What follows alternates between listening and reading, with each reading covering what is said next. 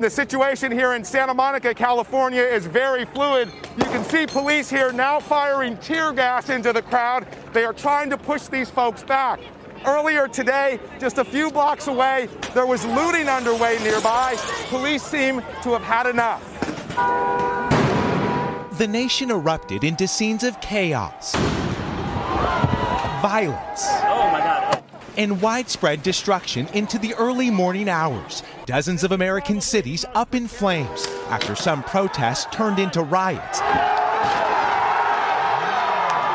Often followed by looting as a nation simmering with unrest unraveled. How long can you be peaceful when your people are dying? But I think we are witnessing America as a failed social experiment.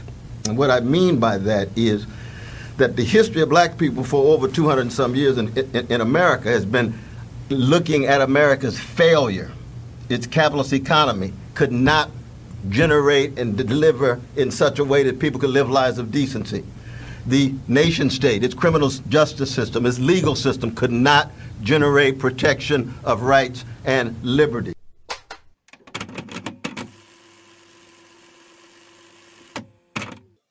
მოგესალმებით ამხანაგებო ჩვენ ძირფასო მსმენელებო აა ეტალბრად დამეწყოს რაღაც ისეთი მისალმება რა რაღაც ოფიციალური გეგონება რომ პირველ არხზე ვაცხადებ რაღაც ესე და შევცვალო ამაზე დავემუშავა აუცილებლად აა ეს იქეთ ყველაფერი.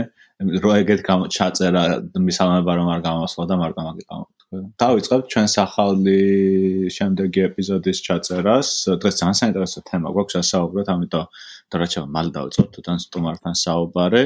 ბევრი შესაძლოა და ბევრი საუბრის გარეშე. დღევანდელი ჩვენი თემა შეეხება ამერიკულ ამბოხს ამერიკაში მიმდინარე აჰა ამბებს ამერიკაში მიმდინარე აა გამოსვლებს, აჯანყებებს, რა ყველაფერს რაც ხდება საერთოდ, შევეცდებით რომ რაც შეიძლება სიღრმეში წავიდეთ და რაც შეიძლება სიღრმეში წავიდეთ და ყველაფრის ისეთ ისტორიული და სოციალური საფუძვლებიც გამოვიკვლიოთ. ჩვენი სტუმარი იქნება გიორგი ლოლაშვილი, რომელიც ჩაგვერთება ნიუ-იორკიდან.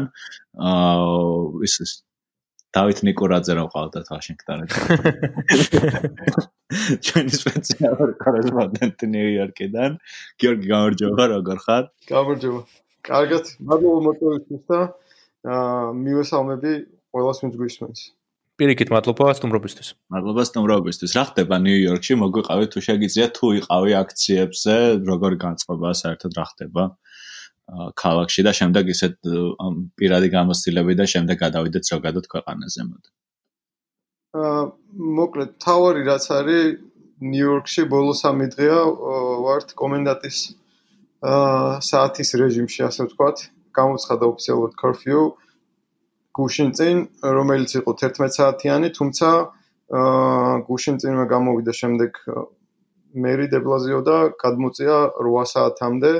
ანუ დაღამებიდან კათენებამდე არის კომენდანტის საათი ნიუ-იორკში, ქალაქში თვითონ ყველგან გავრცელებული და ცდილობენ რომ ამითი რაღაც განეიტრალონ სიტუაცია, როგორც თვითონ ამბობენ, ღამის პერიოდში, როდესაც ყველაზე ნაკლებად ახერხებენ სიტუაციის კონტროლს. რაც შეეხება დანარჩენ ამერიკას, ანუ ესე ვიტყოდი, რომ ბოლო პერიოდში უფრო შესუსტდა ეს საპროტესტო ტალღა, რაც ჩემი აზრით მინესოტაში სიტუაციის დაწყნარების პარალელურად ანუ გასაგებიც არის იქ ერთკვირიანი საპროტესტო ტაღა აღარ არის ისეთი მწვავე იქ პოლიციის შეფები გამოვიდნენ და დაგმეს პირდაპირ თავიანთ თანამშრომლების ქმედება და ეს ამერიკულმა მედიამ წარმოაჩინა როგორც რაღაც უპრეცედენტო მოვლენა რომელსაც დიდი ყურადღება უნდა დაეთმოს და რაღაცა ისე ჰილინგის პროცესი წავიდა ასე რომ ვთქვათ რა. პროტესტის მონაწილეებსა და ოფიციალურ პირებს შორის, იმიტომ რომ უკვე პოლიციის პირებმაც მოინახულეს ის მემორიალი, სადაც ჯორჯ ფლოიდი გარდაიცვალა 25 მაისს იყვნენ მისული რელიგიური პირებიც, გუბერნატორიც, იყო ყველაფერი ეს აა გაკეთებული როგორც აა მოველოდით ასე ვთქვათ. აა და იყო ოჯახის წევრების გამოსვლებიც, ასე შემდეგ დაგმობა ამ ლუთინგის და მარადიორობის და ამის პარალელურად შესუსტდა რაღაც წერტილებს შესუსტდა, თუმცა მე ვიტყოდი რომ ნიუ-იორკში, განსაკუთრებით და კალიფორნიაში ჯერ კიდევ არის ეს მუხტი საპროტესტო და გარეთ არის ხალხი გამოსული. დიდი ისტორია აქვს, არა ეს პოლის ბრუტალის ან პოლიციის სისასტიკის ისტორია აქვს, ეს NYPD ერთ-ერთი ყველაზე კი, კი, კი. შეულად სასტიკი. სახელი რეპუტაცია აქვს და თავის რეპუტაციას რა თქმა უნდა ამართლებს. თუნდაც აქტუალური თემა იყო stop and frisk დემოკრატების პრაიმერების პერიოდში, როდესაც ბლუმბერგის კანდიდატი გახდა აქტუალური, იმიტომ რომ ბლუმბერგის დრომერობის პროცესში ჩამოყალიბებული პოლიტიკა არის stop and frisk რაც უკავშირდებოდა გამარტივებულ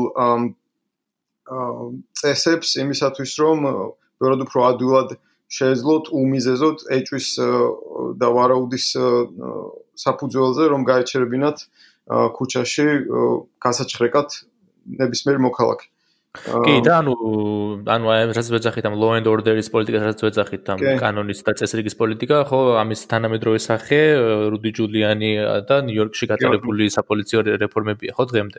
რუდი ჯულიანის ტვიტი ნახეთ მართლა ამ ყველაფერზე არა რა ჩემ Twitter bubble-ში არ ხდება სამწუხაროდ ჰეშტეგი ხო და ანუ ციხის სპონჩი რა თქმა უნდა ანუ ეს აა.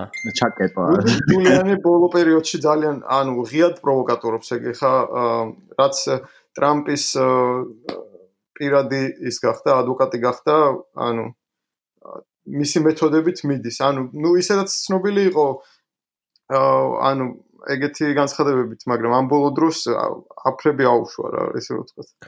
აა რა მაინტერესებს, აი კითხვა ერთ-ერთი რამაც ჩაახშო, რამაც ცოტა წყალი დაასხა ამ აქციებს, არის იგრძნობა ეს კონსენსუსი არაძალადობრივი პროტესტის მიმართ და ზოგადად ამერიკულ საზოგადოებაში არსებული ესეთი მკაცრი ზღვარი მისაღებ და არამისაღებ პროტესტს შორის, როცა საუბარი არის შავკანიანებზე და რაღაცა რადიკალურ ჯგუფებზე.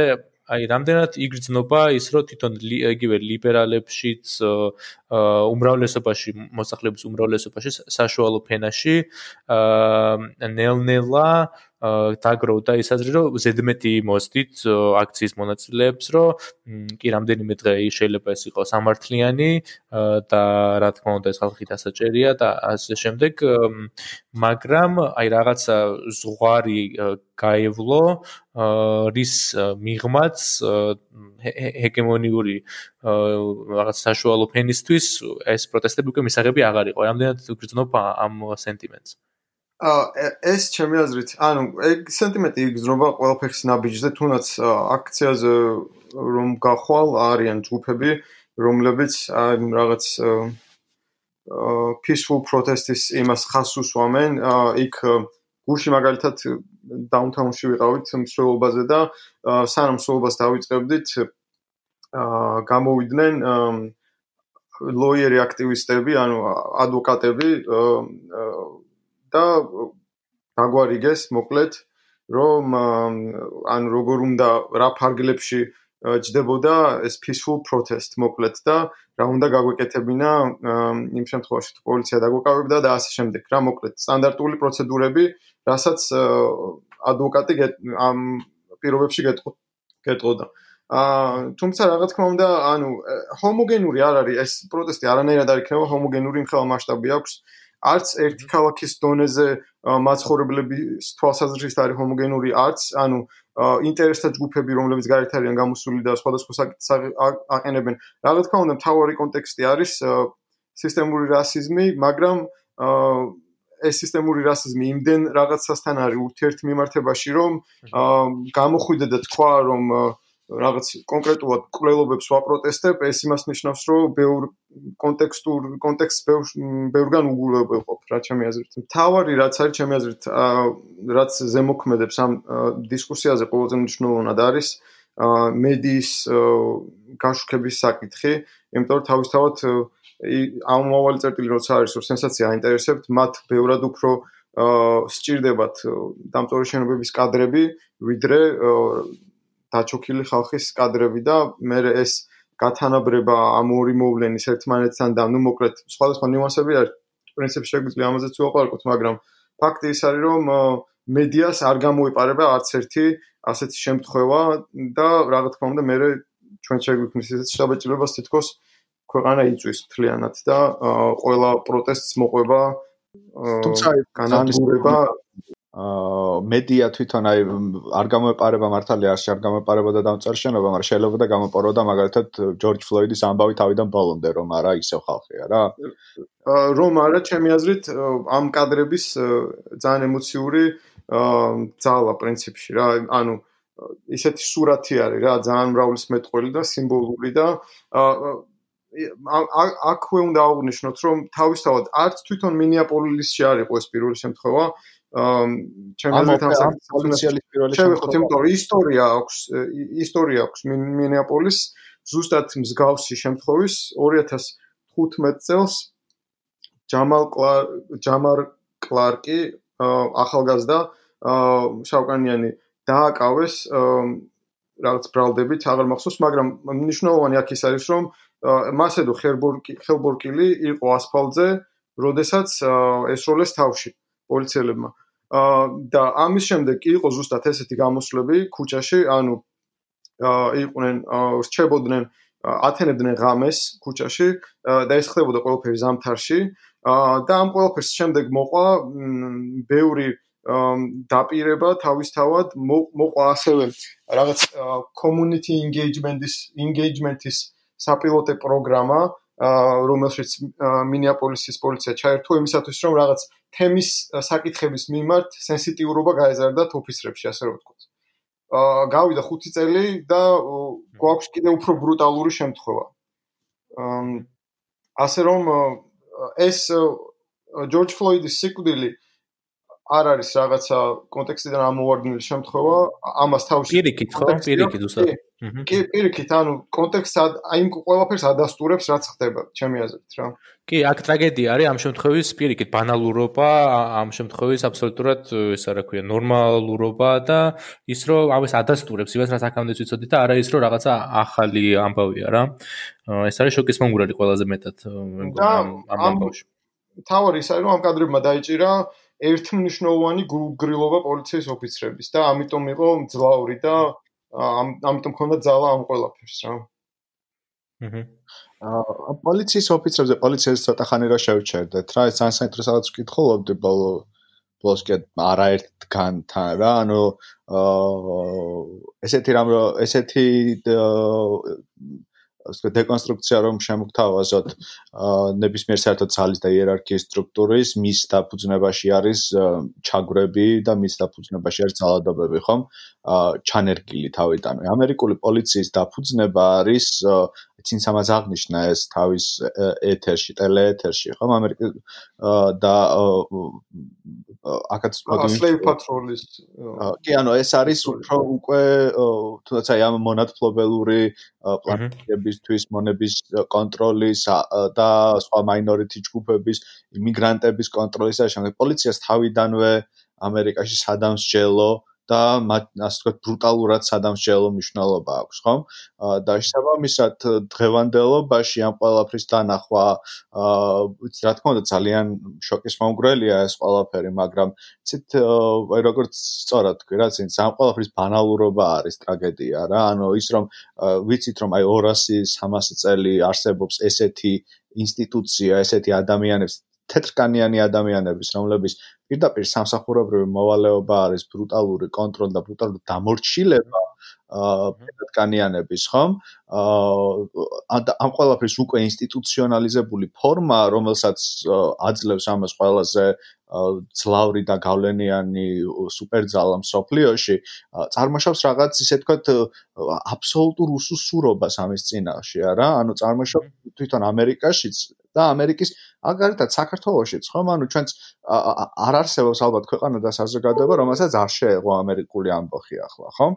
ჩვენც უკვე ძალიან ისეთ სუ კომენტარებს, აი რა გაკვეთილები შეიძლება ვისწავლოთ, ან როგორ შეიძლება ეს ყველაფერი გაიაზროს ხალხმა, რა შეიძლება ხალხმა იფიქროს და ეს შემდეგ განსაკუთრებით ადამიანებმა, რომლებსაც რომლების გონებაშიც ამერიკა არის ეს თავისუფლების ქვეყანა, სადაც ბიგმაკები ცეკვავენ და კოკაკოლის ბოთლები მღერიან, ხო? და ანუ ეს არის ამერიკა თავიდან ბოლომდე, მაგრამ ამან არის ეს ჩაგვის იერარქიები, ეს სტრუქტურები, რომლებიც უკვე ასწლოვანია და რომელიც უკვე ასეთი ბრუტალურობით ჩნდება, ხომ?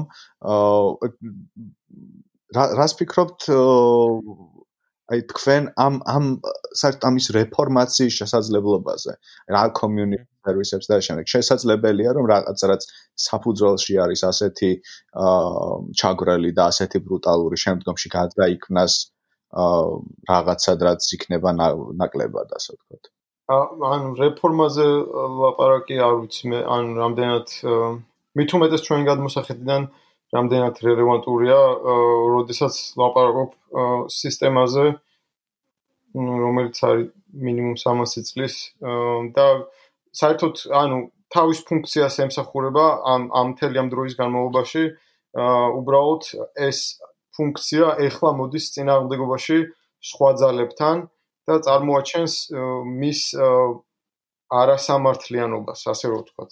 ანუ რაც აღნიშნე, საი ზოგადად ერთი რაღაც არის რომ პოლიციის ინსტიტუციური ბაზისი, რაზეც შეიქმნა პოლიცია, იყო ეგრეთ წოდებული ეგრეთ წოდებული civil მილიცია, მოქცამქალქო მილიცია, რომელიც იყო მოხალისეები, თეთრი მოხალისეები სამხრეთში იმ იმ ადგილების გასაკონტროლებლად, სადაც დიდი რაოდენობით მონები ყავდათ და ჭირდებოდათ პლანტატორებს დამატებით რაღაც კონტროლის მექანიზმები, რომ არ ყოფილიყო ბუნტები პლანტაციებში და აღმოეფხვრათ კიდევ ეს მონების გაქცევის საკითხი რაღაცნაირად, რომ მონები ეკონტროლებინათ მოკლედ და ამ ბაზისზე ბაზისზე შეიქმნა პირველი პოლიციული ერთეულები ქვეყანაში. აა კერძო საკუთრების დაცვის მოტივით ამ ბაზისზე ბაზისზე აგრძელებს მუშაობას და ჩემი აზრით დღესდღეობით რასაც ვხედავთ არის უბრალოდ თვალსაჩინოება თვალსაჩინოება შეძინა ამ ყველაფერმა რასობრივ კონტექსტში იქიდან გამომდინარე რომ შავკანიანები ესენი არიან ის ხალხი რომლებიც ამ კერძო საკუთრების მიღმა არიან თავისთავად და არ აქვთ მათ არანაირი ძალაუფლება და თეთრებთან შედარებით ესე უხეშად ვთქვათ რა. კი ბატონო, აი ზუსტად აი ამ ფესვებზე არის ალაპარაკო ჩემი აზრითაც, ანუ ეს პლანტაციის ეკონომიკა, ხო, სადაც თვითონ პლანტატორი არის უმცირესობაში, აა თავისუფლ პლანტაციაზე. გარშემორტყმული არის აა მისი წარმოადგენებით შესაძლო ანტაგონისტურ ძალებთან, ანუ მონებთან და აქვს ამასთან დაკავშირებით შფოთვა, ხო, რომ მუდმივი შფოთვა, მუდმივი რეალიზაცია, რეალიზება იმის, რომ ეს სოციალური ქსოვილი არ არის მდგრადი, შეიცავს თავის თავში სრულიად აშკარად წინააღმდეგობებს, რომელიც ზანართულია რომ ვერ დაინახო როგორც პლანტატორმა, რომელიც ყოველდღიურად დამოკიდებული ხარ შენზე მეტი ადამიანის დისციპლინირებაზე და დასჯაზე. და აი ეს შფოთვა დღემდე ასაზრდოებს მართლა აი ამ პოლიციის მიმართ რა მოთხოვნებიც არის საშუალო ფენაში ამერიკაში საშუალო მაღალ ფენებში ამერიკის და ამიტომ მართლა ის რეფორმირებაზე საუბარი ხო? ცოტა აი ასე იგი უგულებელყოფს იმ ფაქტს რომ ეს პოლიცია კი ის კი არ არის რომ თავის საქმეს არ აკეთებს. პირიქით თავის საქმეს აკეთებს ზუსტად ისე აკეთებს როგორც უნდა აკეთებდეს ანუ რა მისითაც შეიქმნა როგორი რა ფორმებიც ესე იგი აღმოჩნდა ამერიკული საზოგადოებისთვის აუცილებელი მისი კვლავწარმოებისთვის და არსებული სისტემის კვლავწარმოებისთვის ინფორმებს ინარჩუნებს დღემდე ხო? ანუ იმისთვის რომ ამის ეს შეიცვალოს უნდა შეიცვალოს თავისთავად სტრუქტურა საზოგადოების რომელიც აუცილებლად აღარ გახდის ამ ტიპის პოლიციურ რეჟიმს და აი ამ ხრივ ხო ეს უკვე რაღაც რეფორმა აღარ არის უფრო რაღაც უფრო რევოლუციური ცვლილება იქნებოდა ვიდრე რეფორმის ხო? იმიტომ რომ აი დღემდე როგორი მდგომარეობა არის ხო? ეხა იგივე რო გავიხსენო იგივე ჩემი გამოცდილება დავუშვათ აა ჩიკაგოში სამხრეთ ჩიკაგოში სადაც მოსახლეობის უდიდესი ნაწილი არის შავკანიანები 90%-ზე მეტი და აი ამ საზოგადოებაში იმდენად ცალსახა არის რომ პოლიცია ერთვება როგორც რაღაცა ტიპის დამპყრობელი, რაღაცა ტიპის საოკუპაციო ეთნოს ესე მოიხსენიებენ იქაც და ლიტერატურაშიც პარალელებს ნახავთ პირდაპირ სამხრეთ ჩიკაგოსსა და აი პალესტინას შორის, როგორც აღიქმებიან პოლიციელები, რომ ეს არის ძალა, რომელიც არის გარედან მოსული ძალა, რომელიც თავისთავად შავკანიერებს არ აღიქვავს იგივე სოციალური ქსოვილის ნაწილად, პირიქით აღიქვავს როგორც რაღაცნაირად უცხოს ხეულს, რომელთან თანაცხოვრებაც უწევს და აი ამ წინააღმდეგობრივი თანაცხოვრების გადალახვის ერთადერთი საშუალება არის აგრესიული, ესე იგი პოლიციური რეჟიმი. და ანუ და ერთ რაღაცას დავამატებ სანამ სხვა თემაზე გადავალთ. Broken window policing არის ანუ პოლიციის მუშაობის სამუშაო ჩარჩო ასე რომ ვთქვათ. რაც კონკრეტულად ასეთ ადგილებს ჩიკაგოს სამხრეთს იგივე ჰარლემს ბრონქს ნიუ-იორკში და ლოს-ანჯელესის პერიფერიებს ან ბეიარეას ეხება სადაც არის შავკანიანების გეტოები და სადაც არის урბანული განვითარება თითქმის არ არსებობს ამ ტერიტორიების არც ინფრასტრუქტურული მრავალფეროვნება ასე ვთქვა და broken window policing იგულისხმობს იმას რომ პოლიცია უნდა მივიდეს იქ და ანუ ცნობიერებაში გაუმაგროს ეს law and order-ის წარმოქმნა ანუ ის უნდა იყოს ისეთი მაკონტროლებელი ძალა რომელიც ცნობიერებაში ჩაუბეჭდავს მოკლედ ესე უხეშად რო ვთქვათ იქ მაცხოვრებლებს წესრიგს. უნდა ასწავლოს წესრიგი. ესეთი მიზნით მიდის იქ ასეთ მიზნით შედის იქ პოლიციელი იმიტომ რომ მიაჩნიათ რომ ისინი წესრიგს მიღმარიან ცნობიერად და რაღაცა სამუშაო არის ჩასატარებელი და არა ის რომ მან უბრალოდ კანონი უნდა დაიცვას და ვიღაც საკუთრება უნდა დაიცვას და ასე შემდეგ. ხო როგორც ყველა ასწავლოს დისციპლინა მოსახლეობას იცით აი რატომაც დავსვიოს შეკითხვა რა აი კარგად მივედით ჩემი მეზეთ რაც თქო მეორე შეკითხვა რაც მინდა თქვენთვის დამესვა ზუსტად რა. იქამდე რახან ვამბობთ ასე ხომ? და ეს მგონი არ არ ვართ მარტო ჩვენ ვინც ესე ვამბობს ხომ? ეს რაღაც ტრამპის წარმოადგენთ რადიკალი მემარცხენე ჯგუფები ესე არ ვამბობთ მარტო აა სიტუაცია არის მისული იქამდე რომლის გარდა აქვს რომლის რეფორმირებაც რომლის შვიდობიანი შეცვლა თითქმის გამორიცხულია. ამ დროს ადამიანს აქვს უფლება რა აჯანყდეს, ხო? და აჯანყების პროცესში, აი რა იცით აჯანყების პროცესი როცა იწევს ანტაგონიზმს ამ კერძო საკუთრებასთან, როცა აჯანყება არის მიმართული პირიქით იმისკენ, რომ დაანგრიოს ეს ამ სტრუქტურის თავარი მკვლევავი ობიექტი, ხომ? აა ეს კერძო მცირე ბიზნესი, ეს კერძო თეთრების მაღაზია, რაღაც რაღაცა ესეთი ამბები. არც თუ ისე მცირეების ხოთაშურის.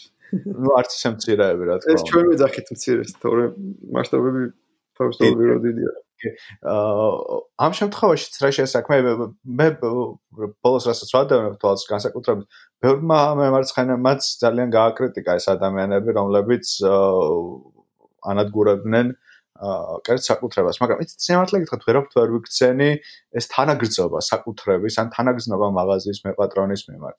შეიძლება არასწორი ვარ, მაგრამ არ ვიცი, ნამდვილად ვერ შევძელი ამის განცდა რა. და ამიტომ აბსოლუტურად შემიძლია ვიგზნო და აბსოლუტურად შემიძლია გავიგო იმ ადამიანების, რომლებიც ამბოხის პერიოდში ამ ყველაფერს უბრალოდ ზედულიან, უბრალოდ ანადგურებენ, თუნდაც სახში მეაქვთ, რა თქმა უნდა, ანუ სადაც უნდა იქ წაიღონ აბსოლუტურად. რამდენი ნაიკიც უნდა ის იმდენი ჰქონდეთ და მას რამდენიც მაღაზიაც უნდა იმდენი გადაწყვეტენ იმიტომ რომ რეალურად ამ კერძო საკუთრების არგუმენტი არის ხომ? არგუმენტი რომელიც დგას პოლიციის ბრუტალურობის სათავეში, ხო? პოლიციის ბრუტალურობის ჯასტიფიკაციას თავიდანვე უდევს არგუმენტი, რომ არსებობს რაღაც საკუთრება, რომელიც ეკუთვნის თეთრს და ეს საკუთრება უნდა დაიცვას ვიღაც სხვა თეთრმა, რომ თეთრს ყოველთვის გონია, რომ სადღაც ჩავკანიანი ან ყვითელკანიანი ან არ ვიცი ყავისფერკანიანი მოვა და ამ საკუთრებას წაართმევს, ხო? ვერაფრით არ ხვდები ბოლომდე რატომ არის ეს გაუგებარი თვითონ რა? ანუ რატომ არის ესეთი რასობრივი კულტურული ომის შეგრძნება, რატომ დგას ასე წვავას შავკანებს შემლებშიც აშკარად დგას, ხო? თუმცა რატომ ვერ ხვდება ამას, თუნდაც ლიბერალური მედია, რატომ ვერ ხვდებიან ამას თეთრკანიანი, რატომ ვერ ხვდებიან ამას გავლენიანი პერსონები საზოგადოების, რომლებიც აა ტყერტყელი კერძო საკუთრების არგუმენტს, რომელმაც მიიყვანა საზოგადოება აქამდე, ისევ და ისევ იმეორებენ. ესეთ რაღაცას ვიტყოდი. იქიდან გამომდინარე, ხა ეს მემარცხენე პოდკასტი არის და სმენელს რაღაცა აა წარმოდგენა და ცოდნა აქვს თავისთავად, ანუ ჩემი აზრით ყველაფერი რომ განვიხილოთ კერძო საკუთრების კონტექსტში რა ძალიან ბევრ რაღაცას ფენს ნათელს აა იქიდან გამომდინარე რომ მედია მეინსტრიმ მედია ეს არ არის მხარე რომელიც ამ მოსახლეობას წარმოადგენს ვინც ქუჩაში არის თავისთავად ეს არის მხარე რომელიც წარმოადგენს კერძო საკუთრებას. ანუ ამაში ხომ ამაში ხომ სადავო არაფერი არ არის. ის რა თქმა უნდა იცავს იმ ინტერესებს რომლებიც ემსახურება იგივე რაღაცა მაღაზიების გადარჩენას და როდესაც პრეზიდენტი იმუქრება მარშალ-ლოს გამოცხადებით რაც გულისხმობს რომ მას შეუძლია ჯარი შემოიყვანოს ქალაქში ეს ყველაფერი ემსახურება იმას რომ კერძო საკუთრებას გამოუჩნდეს დამატებითი ძალა, რომელიც დაიცავს მას.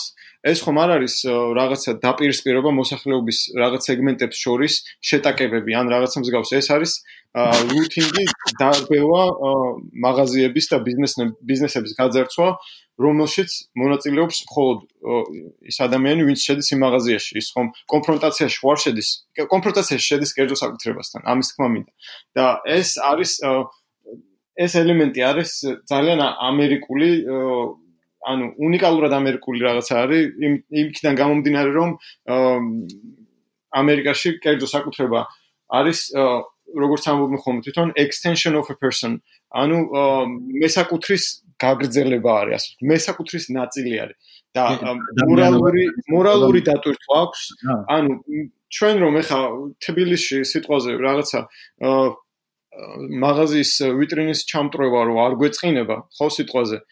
აქ ეს წინთ როგორც ან მორალურ კონტექსტს აძლევენ ამას რომ როგორ შეიძლება ადამიანის ქონება შეურაცხო ან დააზიანო იმიტომ რომ ამით უშავებ თავად ამ ადამიანს. მიუხედავად იმისა რომ იმას იმხელა დაზღვევები აქვს რომ თითქმის არანაირ ზარალს არ ნახავს უბრალოდ დროში იზარალებს მეტი არაფერი. აა აქ ირონიული რა არის ხო? ირონიული ამბავიც უნდა ვახსენოთ აქ აკერძო საკუთრების ისტორიაზე ამერიკაში ხო, რომ თვითონ შავკანიანები ცდილობდნენ კერძო საკუთრებად, ხო? და ანუ მათც ცდილდებოდა იგივე მათც ცდილდებოდა იგივე კანონები, რაც კერძო საკუთრებაზე და შესაბამისად თვითზიანიც კი, ანუ შავკანიანის მიმართ თავის თავის დაზიანება, ითვლებოდა ითვლება გამოდის ვიღაცის ხვისი კერძო საკუთრების დაზიანება წარმოიდგინე. ან საკუთრების ხელზე არ ქონდათ ბატონობის უფლება.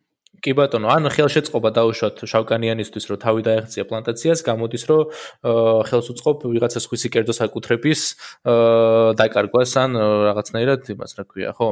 ძარცვა გამოდის ხელშეწყობას კი შავკანიანის. კიდევ ერთი რაც არის ამ კერძო საკუთრებაზე სათქმელი არის და რატომაც არის ესეთი მტკივნეული ამერიკისთვის კერძო საკუთრების ესე თავდასხმა.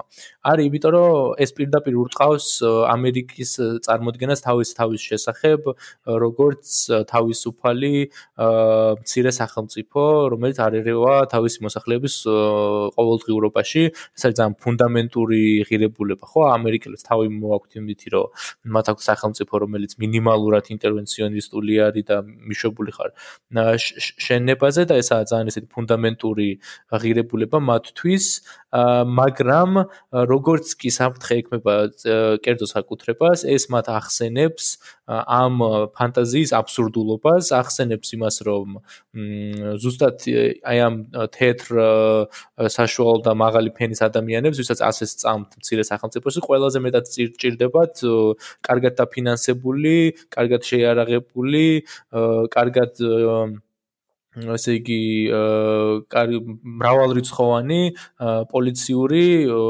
დანაყოფები, რომლებსაც იდეაში თვითონე წარმოიდგენენ. ხოლმე თავის მტრად, ხო, არის თეთრებში ცნობილი ფანტაზია, რომ თვითონ იარაღდებიან სახელმწიფოს წინააღმდეგ და ამისთვის აქვთ იარაღები, რომ ესე იგი აჯანყდნენ იარაღით ხელში და იგივე ანტიფას წინააღმდეგ და რომ ეს მემარცხენე ეტატისტური ძალები რაღაც აღმასლოს განიცდიან ამერიკაში და ამას წინ უნდა დაუდგეს თავისუფლების მოყარე შეარაღებული თეთრი ამერიკელი, ხო? ანუ სინამდვილეში აი ესეთ მომენტებში, როცა შავკანიანები აღშერებენ რადიკალურ კრიტიკას, ხო? აი ეს დგება ძალიან ცხადად კითხვის ნიშნის ქვეშ და სინამდვილეში როგორც არის საქმე, რომ თეთრები და პოლიცია და სახელმწიფო ერთ მხარეს არიან და ესე იგი ადამიანები დანარჩენი ადამიანები მეორე მხარეს ეს დგება ძალიან ცხადად დღის წესრიგში და ესაა ძალიან შემაწუხებელი მათი იდენტობისთვის როგორც ავტონომიურები და როგორც სახელმწიფოზე არადამოკიდებულები პირიქით როგორც სახელმწიფოს წინააღმდეგ შესაძლო ანტაგონისტური ძალები. და კიდე ერთი რაც მინდა თქვა ამ კერძო საკუთრის დაზიანების კერძო საკუთრის დაზიანებაზე არის ის, რომ ძალიან ნაიური იქნება რომ ვიფიქროთ, რომ ამ კერძო საკუთრების დაზიანება რაღაცა რეალურ ზიანს მიაყენებს მესაკუთრეებს, იმიტომ რომ თუ რამეში არის კიდე ამერიკული სისტემა გაწაფული და დახვეწილი, არის ზუსტადაც ამ ზიანის ხარჯების შემდგომ გადანაწილებაში, რომელიც აუცილებლად ყოველ მიზეს გარეშე ისევ გადანაწილდება იმგვარად, რომ ამ დაზიანებული მაღაზიების თუ პოლიციის მანქანების თუ სხვა რაღაცების ფულს აუცილებლად გადაიხდიან არიან ესე ღარიბები, მათ შორის შავკანიანები და სხვები და ამის მექანიზმები არის იგივე სადაზღვეო ინდუსტრია, ამისი მექანიზმები არის აა საბიუჯეტო პროცესები, ხო? აი რო წარმოვიდგინოთ როგორ განვითარდება მოვლენები თუ დღეს შუშას ჩაუმტრევენ რომელიმე მაღაზიის რომელიმე მაღაზიას. ხო? მისი მეპატრონე წავა სადაზღვეოში სადაზღვეო მას დაუფარავს ამ ამ ამ თანხებს ის ავარავად ამისგან რაღაცა დიდ ზიანს არ მიიღებს იმიტომ რომ ყველაფერი დაზღვეულია და საბოლოო ჯამში დაზღვევის თანხები და ამაზე წითელი ლიტერატურა არსებობს როგორ ნაწილდება ხომ ვის უძირდება დაზღვევა თუ დაზღვევა რაღაც დანაკარგს ნახულობს ცხადია პირველ რიგში პაკეტები უძირდებათ ღარიბებს მათ შორის შავკანიანებს ან მათ ხელი აღარ მიუწდებათ უფრო იაფ დაზღვევაზე და ესეც სინამდვილეში ამ დაზიანებისთვის ანაზღაურების გადანაწილების ფორმა და თუ რამე სახელმწიფო ხარჯები დაგროვდება ცხადია თუ რამეს უნდა მოაკლდეს მოაკლდეს მოაკლდებათ ისევ სკოლებს შავკანიან უბნებში, მოაკლდებათ ესე იგი სხვა ტიპის სახელმწიფო ხარჯვით ნაწილებს და ეს არც ერთ შემთხვევაში არ მოაკლდებათ ესე იგი ეს რაღაც დიდრებს მაღალი გადასახადების ხარჯზე ხო? ანუ ეს კერძო საკუთრების დაზიანება აი ამაშიც ამერიკული სისტემა არის გაწაფული რომ სინამდვილეში აუცილებლად გადმოვა ისე ჩეულებრივი ადამიანების აა კისერზე და მე მგონი აი ისედაც ყველა მიცის უბრალოდ აი ეს არის რომ გამოვა სხვაც არაფერი არ დარჩა ამ რაღაცა ლანდშაფტზე ამ კრიტიკის გაშაჟღერებლად ან რაღაცა პროდუქტიულში კარტასაქმნელად და ეს რაც ახლა ხდება რაღაც მე ეგრე ვხედავ ყოველ შემთხვევაში რომ არის უალტერნატიობის ამოძახილი და ჩიხში შესული პოლიტიკური პროცესის ნაწილი და არა ის რომ ახლა არავის არ აქვს იმაზე ილუზია რომ აი კერძო საკუთრებას ვიღაცას გამოტაცებენ ამ ფორმით ამერიკაში და მიისაკუთრებენ თვითონ ხო? აი შენ რაც თქვი გიორგი მაგას ეხმაურება ამ ამოწერილი მაქვს MLK-ს ერთ-ერთი ფრაზა რომელიც ირონიული ირონიულია რომ პოპულარული არ არის არ არის ეს არის riots are the language of unheard. ანუ ბუნტი არის მათი ენა ვისიც არასდროს არ ესმით. და ზუსტად ანუ დღევანდელ მოვლენებსაც ძალიან კარგად შეესაბამება. იმიტომ რომ ეს არის გამოხატულება იმ აგრესიისა, რომ იმ უკმაყოფილებისა უფრო სწორად რომელმაც ამ საარჩევნო დემოკრატიის სისტემაში ვერ ნახა ადეკვატური პასუხი, იმიტომ რომ ჩვენ ვიცით რომ ეს იყო civil rights movement-ის შემდეგაც, როდესაც MLK მოკლეს მაშინაც, როდესაც 1968 წელს იყო მასობრივი გამოსვლები დიდ ქალაქებში და მაშინაც მედია ამას ეძახდა race wars, race riots, თითქოს შეტაკებები იყო თეთრებსა და შავებს შორის, არა და აიქაც ზუსტად იგივე ხდებოდა, იყო შეტაკებები შავებსა და კერძო საკუთრებას შორის. აა, როდესაც ესეთი მოვლენები ვითარდებოდა, ყოველთვის მოწოდება დღესაც, ანუ როდესაც ჩავთავთ ლიბერალურ მედიას, მოწოდება არის ერთმნიშვნელოვანი. აა მიდით და აირჩიეთ ყველა დონეზე თქვენი წარმომადგენელი. თითქოს არსებობს მართლა ეს ვიღაც წარმოადგენელი რომელიც მათ ინტერესებს წარმო ესა ბოლომდე წარმოაჩენს და მართლა მათი ინტერესების დამცველი იქნება რაღაც ეტაპებზე. ჩვენ ვიცით რომ ბალთუნდაც ბალტიმორში სადაც ყველაზე მწვავე იყო ეს რასობრივი დაპირისპირებები მათ აირჩიეს კიდევაც შავკანიანი მერიც, პროკურორებიც მოსამართლეებიც, პოლიციის უფროსებიც, იგივე მინეაპოლისის პოლიციის უფროსი, ასევე შავკანიანია. ანუ სისტემაში არიან ადამიანები, რომლებიც არიან იგივე იდენტობის და იგივე სოციალური ფენის წარმომადგენლები, მაგრამ ეს სიტუაციას არ ცვლის. ამიტომ არის რომ, ამიტომ არის რომ ეს მიდგომა რომ მიდი არჩევნებზე და იქ იქიდან დაიწყე ცვლილებების მოწოდება ცვლილებებისკენ არის არამართლებს შავკანელების შემთხვევაში, რადგან მათ რეალურად არ ყავთ ლიდერები პოლიტიკაში, წარმომადგენლები პოლიტიკაში, რომლებიც ამ ყოველფერს განახორციელებდნენ რეალურად. და ერთი რაღაცა მინდა ერთი მოკლე ჩართვა მინდა გავაკეთო, რაც შეეხებოდა კერძო საკუთრების განადგურებას და შემდეგ ამ ყოველთვის ანუ დაზღვევის სქემას და ასე შემდეგ. აა ერთი პარალელი მინდა გავავლო, რა მოხდა 1921 წელს ტულსაში, ოკლაჰომაში, სადაც იყო საკმაოდ დიდი რაოდენობით შავკანიანი მოსახლეობა და სადაც იყო სადაც ხდებოდა სადაც იყო წარმატებული ბიზნესები შავკანიანების ფლობელობაში და სადაც ხდებოდა შავკანიანების სიმდიდრის დაგროვება. 1921 წელს ტულსა შავკანიანებს მოუწეს პოგრომი, გადაუწეს მაღაზიები თეთრკანიანებმა, ქუჩაში ხოცავდნენ ხალხს, ესროდნენ ყოველას, ვინც იყო შავკანიანი, არ აქვს ამას მნიშვნელობა. და ან რა თქმა უნდა ამ ყოველფერს ქონდა მედიისგან და პრესისგან რაღაცა პროვოკაციული ისტორიების გავრცელების ფონი და ასე შემდეგ, მაგრამ იქ რაც მოხდა, ეს იყო ჩაოლებრივი პოგრომი, რომელიც ბოლომდე გამოძიებული დღესაც არ არის და ქონებას რაც შეეხება შავკანიანები იქიდან დევნილებად გადასახლდნენ refugee სავით ანუ დევნილების სტატუსი მიიღეს ლამის იმიტომ რომ ყველაფერი დაკარგეს იქიდან გამოიქცნენ და უკან არც მიუხედავთ თავისთავად და იმაზე ლაპარაკი რომ ვინმე ქონებას დაუბრუნებდა იყო აბსურდი აა მაშინ როდესაც საერთოდ საპირისპირო რაღაცები ხდება როდესაც აა ხარები იცვლება და საქმე ეხება თეთრკანიანების კერძო საკუთრებას. ამიტომაც ამობენ, რომ რასიზმს ამერიკაში არ აქვს მხოლოდ ანუ არ დაიყვანება მხოლოდ კლასობრივ ბრძოლაზე. ამას აქვს თავისი ისტორია თავისთავად. რომელიც არის ეს დაპირისპირება არამოგვარ არასდროს არავინ არ იტყვის ალბათ რომ მოგვარებული არის ანუ ის რომ რასიზმი დამთავრდა ობამას კაპრეზიდენტებით და მსგავსი რიტორიკა რა თქმა უნდა საფუძველს მოკლებული არის და ეს ყველაფერი ჯერ კიდევ არსებობს.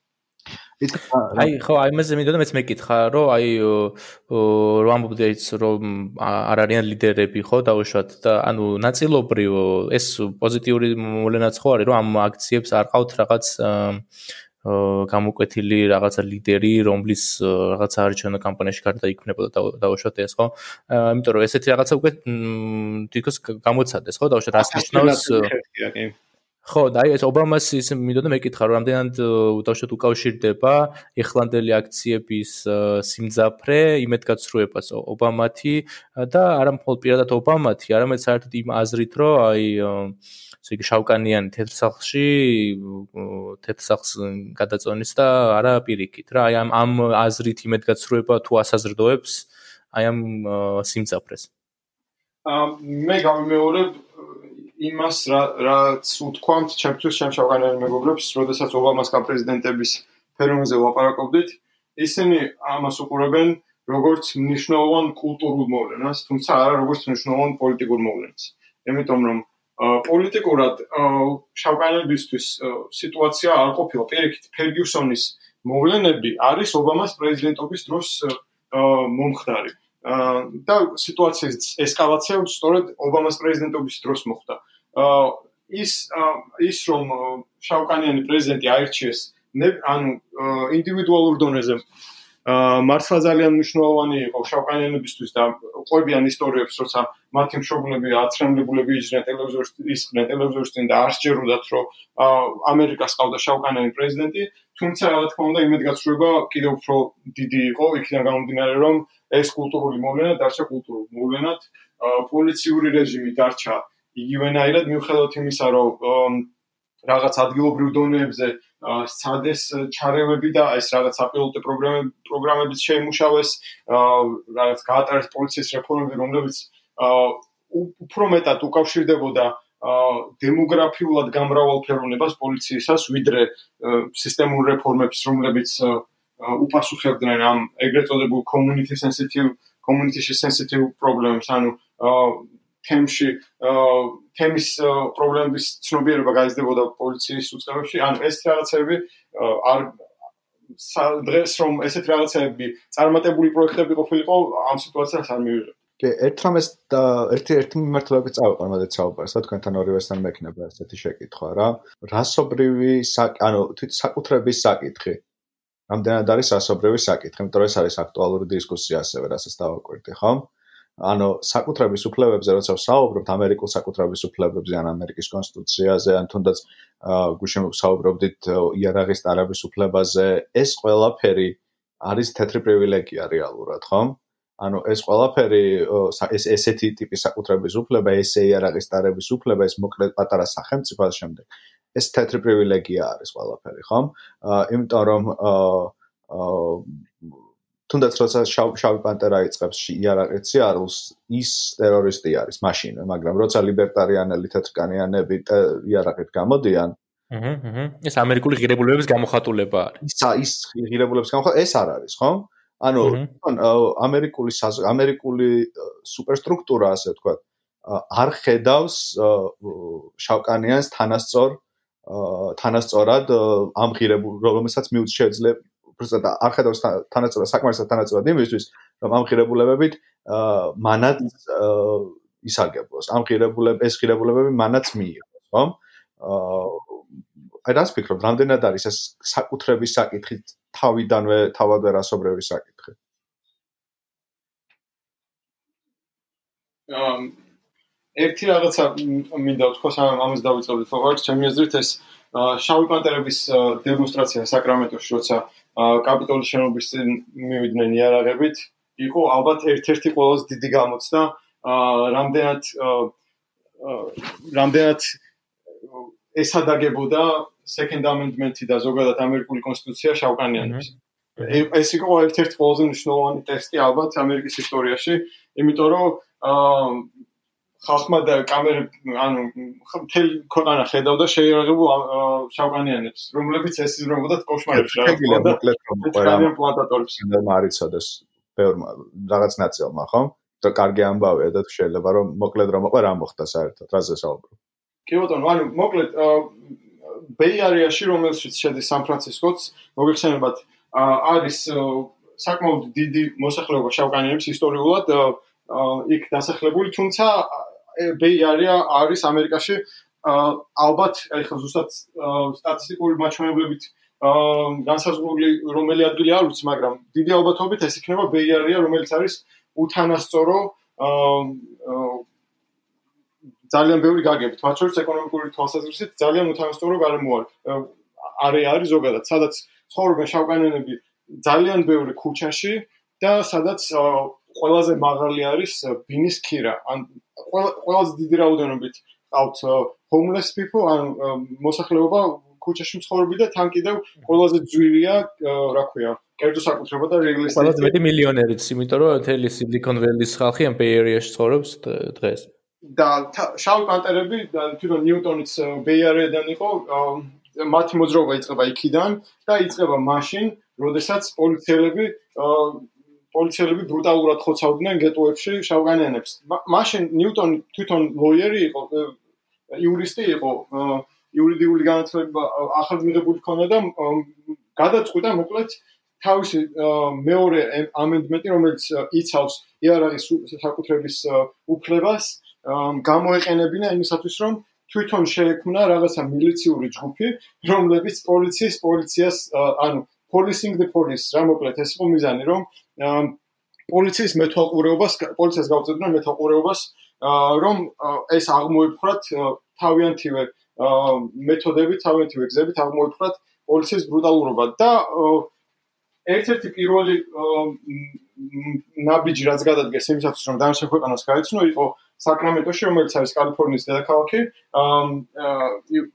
საკრამენტოში მე მგონი თუ ვაცდები კაპიტოლის შენობის წინ ან რაც არის თავარი პოლიტიკური და სიმბოლური შენობა შტატის ზოგადად ნებისმიერ ადგილას იქ მოაწყეს შედობიანი დემონსტრაცია იარაღით და მაშინ ამ ყველაფერმა გამოიწვია აფეთქება დებატების დებატები იმასთან დაკავშირებით რომ შავკანიანებს ჰქონდათ თუ არა უფლება რომ second amendment-ით მათაც იარაღები ეტარებინათ. რა თქმა უნდა, ამის უფლება ჰქონდათ და მართლა გააკეთეს ის რომ მე პოლიციას და პატრულებს დაყვებოდნენ თავიანთი მანქანებით შეერაღებულები, რათა იმ შემთხვევაში თუ რაღაცა სიტუაციის ესკალაცია მოხდებოდა ქუჩაში, განსაკუთრებით გეტოში, რომ შავკანიანებს ყავდათ დამცველები ეს რომ ეჩვენებინათ.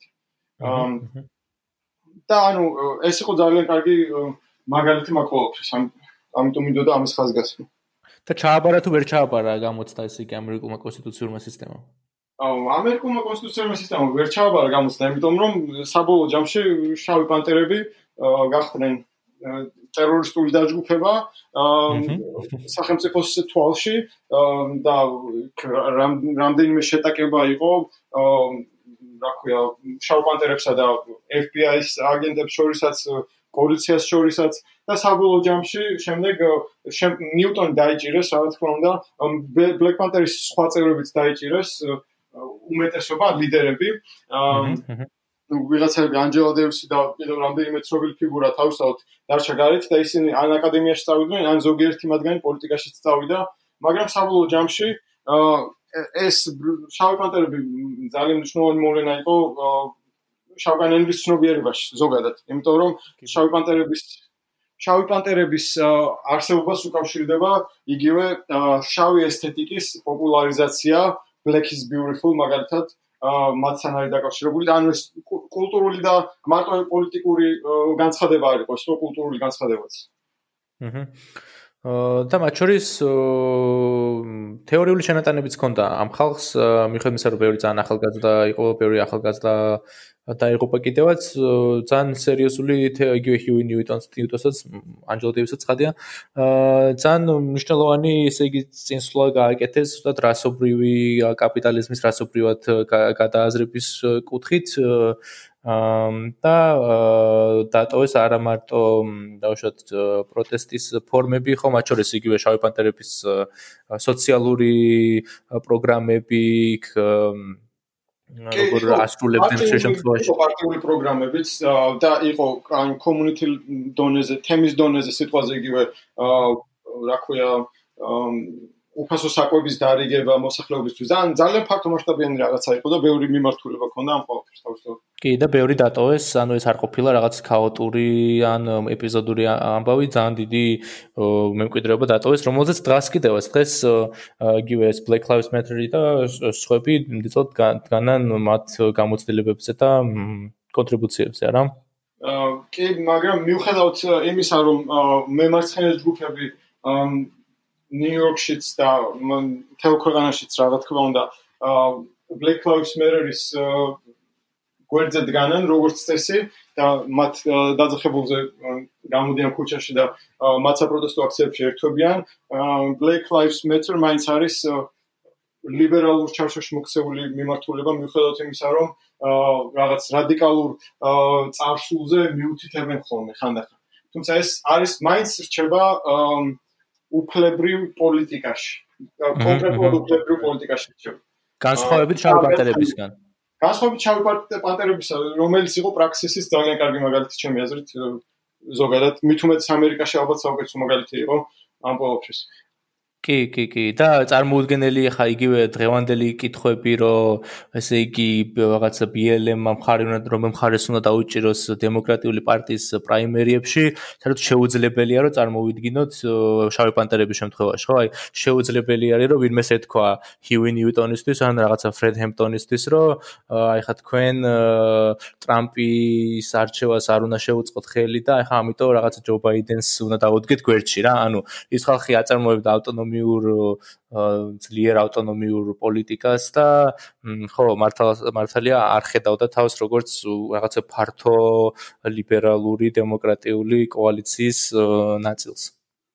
იმიტომ რომ ეს ამა ხელი შეუშალა კიდეც ახლა არა რას ფიქრობთ აი ამ დაშორებამ ამ რადიკალიზმთან პროტესტების პერიოდში საერთოდ პროტესტის კონსოლიდაციას იმიტომ რომ Black Lives Matter Matter-ის და შავკანტარებს შორის განსხვავება დაახლოებით ესეთი ისეთ მარტივად იყო ხილვადი ამ შემთხვევაში ეპოქას ეპოქებს შორის იყო განსხვავება ხილვადი იმიტომ რომ როგორც კი დაიწყოს ლუთინგი ამ შემდეგ და ეს შემდეგ მაშინ ძალიან ბევრი ვიდეო ნახე სადაც ეს Black Lives Matter ლიდერები თან რაღაც წევრები როგორც ცდილობენ რომ ხალხს აუხსნან რომ არა ხალხო კერძო საკუთრებას ნუაზარალებთ და არ გვინდა ასე და ჩვენ მხოლოდ peaceful protest რომ ხრობით და ეს შემდეგ. რაც ნუ ალბათ ესეთი რიტორიკა თუ ეს ამბოხი რომ შავი პანტერების პერიოდში მოხდარიყო ალბათ ნუ გამორიცხული იყო რა ე წერან სხვადასხვა წერან გადავწყვეტი დერზე ძალიან საყურადღებო კადრები იყო.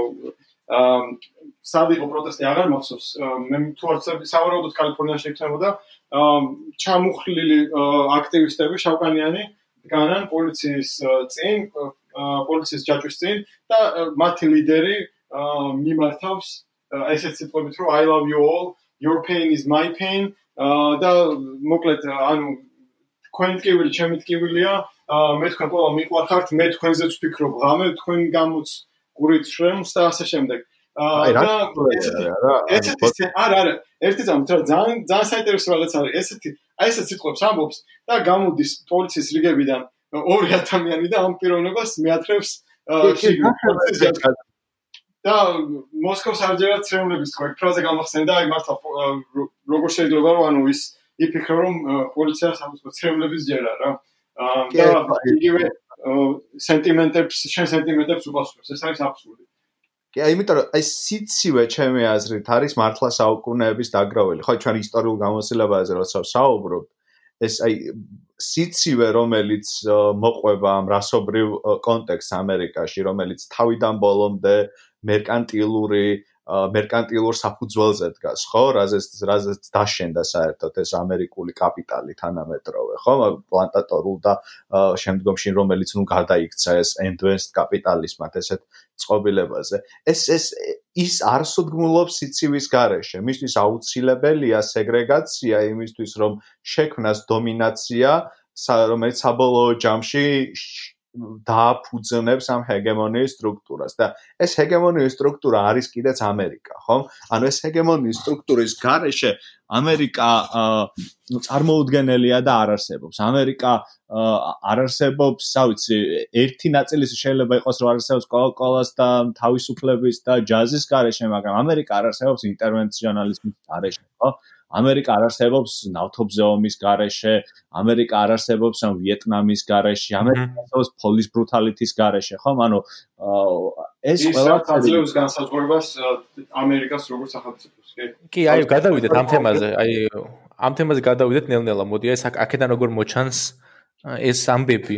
და რა ხდება რასთან გვაქვს საქმე? საერთოდ როცა აი გვესმის ეს კრიტიკა კრიტიკის რომ არ უნდა თქვა რომ ამერიკა არის რასისტული თუ რაღაც და არ უნდა თუ რაღაც უნდა შევარბილოთ თუ აი ეს რაღაც ორი ხო არის? ორი რუსეთი და ორი ამერიკა რაღაც ეგეთი დისკურსული მოვლენა არის ხო? რომ ანუ აა ძალიან ცდილობენ დღეს ჩვენთან რომ რაღაცნაირად ეს კრიტიკა არ გაჟღერდეს, არ ვიცი ხა ხო ხა ჩვენ არ უნდა როგორ ცენზურებს მაგალითად ამ პოდკასტს, მაგრამ რაღაც რაღაცასთან გვაქვს საქმე, ფაქტია, რაღაცას ეწინააღმდეგება ამაზე საუბარი ძალიან ღრმად ჩვენ ლიბერალურ ფლანგზე და რასთან გვაქვს საქმე ეს რატო არის ესეთი ვისეშინი ამ კრიტიკის ესე ძალიან და რატო აგდებს ესეთ არაკომფორტულ პოზიციაში ამ ხელა ნაწილს ჩვენი ესე ინტელექტუალური სივრცეების ამ ამებზე ლაპარაკი თუმცა იცი რას ვფიქრობ? აა ძალიან მოკლედ რომ გიპასუხო, როგორც განვიხილავდით რაიდო ამერიკის საფუძველში, დაფუძნებაში, ხომ? როგორი ურთიერთობა, როგორი სტრუქტურები და როგორი დომინაცია ძიდო ასევე უნდა შევხედოთ რადევს საქართველოს საფუძველში, დაფუძნებაში საერთოდ. ხო, ამ საქართველოს არა რომელსაც რომელსაც ფარნავაზმა დაუწერა ის და ამბანი და რუსთაველი ყავდა და რა ვიცი, არბენინა მტერი 1000 კილომეტრი. არა, აი თანამედროვე საქართველოს რესპუბლიკის, რომელშიც ახლა ჩვენ ცხოვრობთ, ხომ? აა დევს მის საფუძველში. მის საფუძველში დევს ერთი მნიშვნელოვანესი რაღაც, ეს ლიბერაციის მუვმენტი, რაც არის განთავისუფლების მუვმენტი 90-იანების. მასში დევს უპირობო რწმენა ამერიკის. საქართველოს არ არსებობს თანამედროვე საქართველოს და საქართველოს რესპუბლიკა არ არსებობს ამერიკის უპირობო რწმენის გარეშე. მაკდონალდსის გარეშე საქართველოს დღეს არ არსებობს, ხომ? და ფაქტობრივად ამ ყველაფრის მიმართ ანტაგონიზმი ძალიან რთული კულტურული პროცესი არის ადამიანებისთვის, რომლებმაც ეს საქართველოს დააფუძნეს ეს ერთი და შემერე შემდგომში ამ დაფუძნებაში თვითონ აღმოჩნდნენ ჰეგემონურ პოზიციაში და ახლა მათი ჰეგემონური პოზიცია განაპირობებს სწორედ მათ ეკონომიკურ, სოციალურ და პოლიტიკურ ბენეფიტს, ხომ? ანუ მაშინ თუ ჩვენ დავიწყებთ და ახლა საზოგადოებრივადაც გამოვალთ და ვიტყვით რომ იცი მგონი ესე არ ყოფილა, ხომ? ანუ ეს თლად ისეთი ზღაპრები მარტო რომ მიკი მაუს ჰაუსზე ხომ არ ყოფილა მართალი ხომ ავტომატურად ამ ადამიანებისთვის და ამ ჯგუფებისთვის რომლებიც ცდილობენ რომ შეაკავონ ახალგაზრდული პროტესტი ამერიკაში ამერიკის მიმართ და შეეყალონ ახალგაზრდული იმედგაცრუება ამერიკის მიმართ ხომ ჩემი აზრით რაღაც ისეთი თვითგადარჩენის ინსტინქტისაც ინსტინქტი არის მათთვის ისინი იბრძვიან თავისი ჰეგემონიისთვის. იმიტომ რომ მაშინ ჩვენ თუ გადავიაზრებთ ამერიკას ჩვენ უნდა გადავიაზროთ დღეს ეს საქართველოს რესპუბლიკაც, ხომ? და ამ საქართველოს რესპუბლიკის გადააზრებას ბუნებრივია მოყვება პროცესები, რომლებიც ადამიანებს დატოვებს თავიანთი დომინანტური პოზიციის გარეშე. რა თქმა უნდა, არც ერთ ძალას არ უნდა დარჩეს დომინანტური პოზიციის გარეშე. ჩემი აზრით, ჯერ ეს არის უბრალოდ ჭკუის სწავლება Facebook-იდან და ცოტათი თუ გაგრძელდება კიდე უკმაყოფილება და კრიტიკა, ცოტა თითისკნევაზეს გადავლენ და თითისკნევის შემდეგაც არ გაუჭirdებათ რომ გააგრძელონ ესეთი პოზიცია, მაგრამ რაღაცნაირად ის რომ ადამ დომინანტი ძალა და ეს урბანული middle class-ი და თამარა ჩერგოლეიშვილი და ეს შემდეგ თავის საფრთხეს ხედავს ამერიკაზე თავდასხმით, ხომ? ეს გონი ძალიან ბუნებრივი არის რა. ერთადერთს დავამატებდი მეორე მხრივ ანუ პოსტ საბჭოთა სამყაროში ამერიკას აქვს ძალიან მნიშვნელოვანი სიმბოლური დატვირთვა და ჩემი აზრით ამ ლიბერალური დემოკრატიის კრიზისებზე მითითება რა ძალიან სენსიტიური არის იმ ადამიანებისთვის ვინც მხოლოდ სიმბოლურად აღიქვამს ამერიკას როგორც რაღაც ლიბერალური დემოკრატიის მუშა სისტემას და იდეალურ პრინციპებს რაღაცებს ელემენტებს. ანუ მისთვის ეს არის სენსიტიური ისე როგორც მორწმუნე ადამიანისთვის იქნებოდა რაღაცა რელიგიური კრიტიკის მიწოდება სენსიტიური და ეს ჩემი აზრით ეს მნიშვნელოვან ფაქტორს ანუ არ აღიარება ფაქტის თვითონ რა ანუ მაგაზე მიუთითებს რომ ადამიანს უჭირს გაიგიოს ეს ორი რაღაცა ერთმანეთთან იმიტომ რომ მას აქვს რაღაც სიმბოლური, მყარი სიმბოლური და იდეალური წარმოდგენა რაღაცაზე. კი, კი, ზუსტად ძალიან მართალი ხარ რა. ანუ აი ამის დაჯერება ძალიან რთული არის ბევრისთვის, ხო? და არც უნდა ბევრს. იმიტომ რომ როგორც თქვი, აი თუ ჩვენ გადავიაზრებთ ამერიკას, ჩვენ უნდა გადავიაზროთ საქართველოს რა. იმიტომ რომ ყველა მოდელი, რომელსაც გვაწვდი და აქამდე ამერიკული გამოცდილება, ხომ იყო უპირობოდ კარგი ჩვენთვის, ხო? და სამოქმედო საზოგადოებაც ამაზე დიდწილად იყო ხოლმე დამოკიდებული, იმიტომ რომ რაზე არის ხო თანამედროვე ქართული პოლიტიკა მარტივად რო თქვა რა არის, აქ რაღაცებს მაიმუნოთ, მე რაღაც რომელიღაც სენატორი წერილს აწერს და ყველაფერი შეიძლება ეგრევე, ხო? ან რაღაც უპირო აღმოსავლეთ ევროპის უახლოეს ისტორია უახლოეს ისტორია. კი კი პოსტსოციალისტური სამყაროს უახლოეს ისტორია ეგ არის ხო და მით უმეტეს იქ სადაც ევროკავშირს არ აქვს თავისი ინსტიტუციური ერთეულები იქ პირდაპირ ამერიკაზე ამერიკო ამერიკასთან ურთიერთობაზე არის ბევრი რაღაც დამოკიდებული კიდე ანუ აი ამ წარმოდგენაში, მათ წარმოდგენაში, როგორც ახლა იქცევა ამერიკა, როგორც საბოლოო ჯამში აჩვენა ისტორიამ როგორიც აღმოჩნდა ამერიკა ხომ ეს რაღაც თეთ პრივილეგიაზე დაფუძნებული კერძო საკუთრების პრივილეგიაზე დაფუძნებული ტრანსპორტული საზოგადოება და რასტული ქვეყანა რომელიც მართლა პირდაპირ ეთერში ესე კისერზე ფეხს დააჭერს ადამიანს და დაგუდავს მხოლოდ იმიტომ რომ შავია ხომ ეს არ ჯდება იმ წარმოდგენაში, რომელსაც რომელშიც ეს პოსტსოციალისტური დამფუძნებელი მამები ხედავდნენ, ხო, რომელიც რომელსაც ეს პოსტსოციალისტური დამფუძნებელი მამები ეუბნებოდნენ საზოგადოებას, რომ იყო არც ვაცლავ ჰაველი, არც ადამი ხნიკი, საქართველოსი არც ვინც გინდა ედუარ ჩავარნაძე თუ ვინც არ უნდა იყოს ამ ყველაფერში ამოქმედი, ჩვენი ლიბერალური ჰეგემონური ძალა, ხომ? ამ ყველაფერს ძალიან ცდება ეს იმიჯი, ხო? იმიტომ რომ რის გამო ამოცენ კარგი ხო, სულაც ხან დაწერ კარგი ხო, რომ ისე გამოვიდა საბოლოო ჯამში, ხო? რატომაც არ უყარდა საბჭოთა კავშირი ამ პოსტსოციალისტურ საზოგადოებებს, ხო? და რატომაც ხო, აი ჩვენ აღარ გვინდა საბჭოთა კავშირი ამის და ამის გამო, და ამიტომ გვინდა ამერიკა, იმიტომ რომ ესეთი და ესეთი არ არის. 2020 წელს მივიღეთ ზუსტად ისეთი ამერიკა, როგორც არ გვყარდა საბჭოთა კავშირი, რა.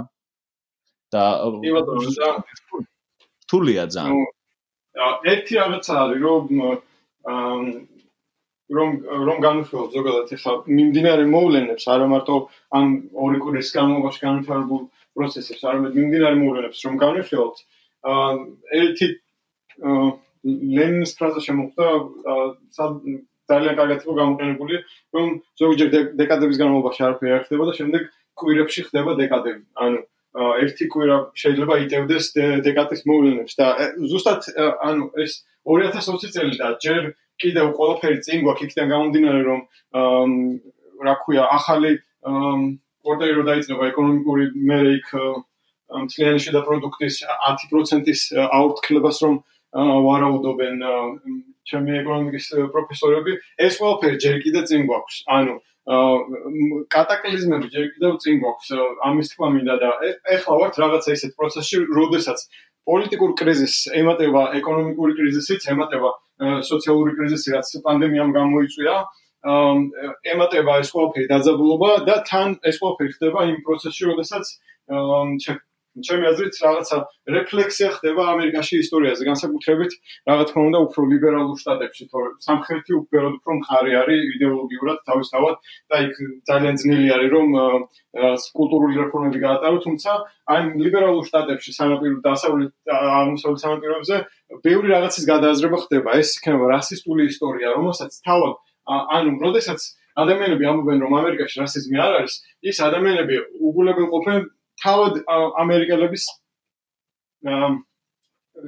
თავად ამერიკელების მოსაზრებას ამ პროცესებთან დაკავშირებით, იმიტომ რომ ეხლა ვართ ჩვენ რაღაც პროცესებში, როდესაც ეს ლიბერალური ინტელექტუალები და პოლიტიკოსებიც მათ შორის გარკვეულ სტრუქტურულ რასისტულ ელემენტებს აღიარებენ, რომლებიც ისტორიულად მოყვება სახელმწიფოსაც, შტატებსაც ძალიან ბევრს, ყოველს ნუ თავისი გამოცდილება აქვს ამასთან დაკავშირებით და მაგიტომ ანუ ნიშნულოვანი ეტაპი არის მაინც ჩემი აზრით ნიშნულოვანი ეტაპზე ვართ ისტორიული თვალსაზრისით და ну პროგნოზირება დამოკიდებულია არა ჩემი აზრით ეს 2020 წელი რასაც ჩვენ მოვესწარით და რა ვიცი ძალიან ისეთ ასაკში მოვესწარით ჩვენ სამივე და ჩვენი მსმენელების უმეტესობაც ჩვენი ასაკობრივ ჯგუფში არის 30 როცა ყველაზე აქტიური ხარ ასე ვთქვა ცხოვრებაში, ხო?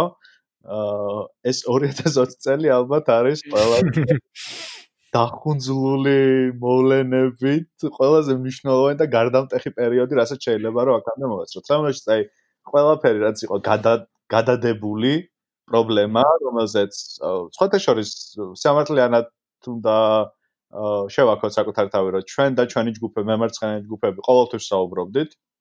ერთდროულად გამოვიდა ქუჩაში, ხო, ერთდროულად ამოხეთქა ამ ყველაფერმა რა. ამ public service-ების გაუარესებამ, ჯანდაცვის სისტემის კაპიტალიზაციამ და კაპიტალიზაციით მისმა გაუარესებამ, რასობრივმა საკითხმა და ასე შემდეგ, ხო? ნამდვილად ვერ ხვდები ეს ადამდე როგორ დასრულდება. მაგრამ არ ვიცი, ერთადერთი რაც დარწმუნებული ვარ, ის არის რომ ეს იქნება გარდამტეხი პერიოდი ძალიან ბევრი საკითხი, ძალიან ბევრი ამის და მთელი მსოფლიოსთვის რა. ანუ ამ ყველაფრის შემდეგ ისე ნორმალურად აღარ იქნება თუ იმას ნორმალური ერქვა რაც იყო ყველაფერი როგორც იყო. იმიტომ რომ ძალიან ბევრი ამაში მსოფლიომ დასავლეთმა პირველ რიგში ჩაიხედა სარკეში და მგონი გამოსახულება რომელიც ნახა არ იყო თვალ სახარბიელო იქ რა. კი, გუშინებოდი ჩემ მეგობარს ეხლა რა დროშიც ცხოვრობ, ალბათ ეგეც საინტერესო ჩვენი ცხოვრების განმავლობაში აღარაფერი აღარ იქნება თქო. ანუ საინტერესო იმ თვალსაზრისით არის, რომ ძალიან ბევრი რაღაცა დადგა კითხვის ნიშნის ქვეშ ამ მოკლე პერიოდში და ადამიანები ზოგიერთი ადამიანი პირველად დაფიქრდა იმიტომ რომ კრიზისი რომელიც ახლა დგას არის რაღაც თვალსაზრისით უნიკალური იმიტომ რომ ისეთ საკითხები ისეთ საკითხები წამოწია რომლებიც იყო მივიწყებული ძალიან დიდი ხნის განმავლობაში. აა დაგეთანხმები ნამდვილად. ეს რაღაც პარალელი როგორ გავთ, ალბათ აი 90-იანების დასად 80-იანების ბოლო 90-იანების როგორც იყო სოფლიოში ეს საბჭოთა კავშირის დანგრევა, სოციალისტური ბანაკის დანგრევა და ამ შემდეგ აა დაახლოებით ამ მნიშვნელობის პერიოდი არის ისევ ახლა რომელშიც გავართ, უბრალოდ აა ხო, ხედავთ რომ ინგრევა სხვა რამე აბსოლუტურად იმ ინგრევა და დასავლეთის ჰეგემონია შეგვიძლია ასე ვთქვათ, რა სიტყვით ამაზე. იმიტომ რომ ბევრი გამოვისმინეთ, ბევრი ამბობს, რომ არასესულია დასავლეთის ჰეგემონია არასარბია, მაგრამ დასავლეთის რომ ხო, ახლა ჩვენ უყურებთ როგორ ინგრევა დასავლეთის ჰეგემონია. მე ვფიქრობ, პირველი რაც თვალსაჩინო არის ჩემი აზრით, ინგრევა წარმოქმნა ამერიკაზე როგორც რაღაც დემოკრატიის საყრდენ წერტილს დემოკრატიის ცენტრზე. და თავისავად მნიშვნელოვან რაღაცას განაპირობებს ისიც რომ ანუ ეკონომიკური სიძლიერე ამერიკის აღარ არის ესეთი უპირობო როგორც აქამდე იყო, იმიტომ რომ გამოჩნდა საკმაოდ მოძლიერებული მეორე ეკონომიკა მსოფლიოში ჩინეთის სახით და როგორც იქნა ისეთმა ქვეყნებმა როგორც არის საფრანგეთი და გერმანია მეორე მსოფლიო ომამდელ მდგომარეობას დაუბრუნდნენ იმ თვალსაზრისით რომ რაღაც სიმდიდრის დაგროვება მოახერხეს მას შემდეგ რაც მიწასთან ერთად გასწორებული მეორე მსოფლიო ომის დროს და ანუ ეს წარმოადგენა რომ ამერიკა არის ეს ერთი რაღაცა დიდი მოთამაშე რომელსაც პატერნიზაცია შეუძლია პოლიტიკურად რაღაცეების ჩემი აზრით ეგ წარმოადგენა ინგრევა პირველ რიგში ჯერ ტრამპის საერთაშორისო პოლიტიკიდან გამომდინარე და შემდეგ უკვე ამ კრიზისული სიტუაციიდან რომელიც წარმოჩენს ჯერ ერთი პოლიტიკური რეფორმების საჭიროებას და მეორეც კიდე თრენად ეკონომიკური პარადიგმის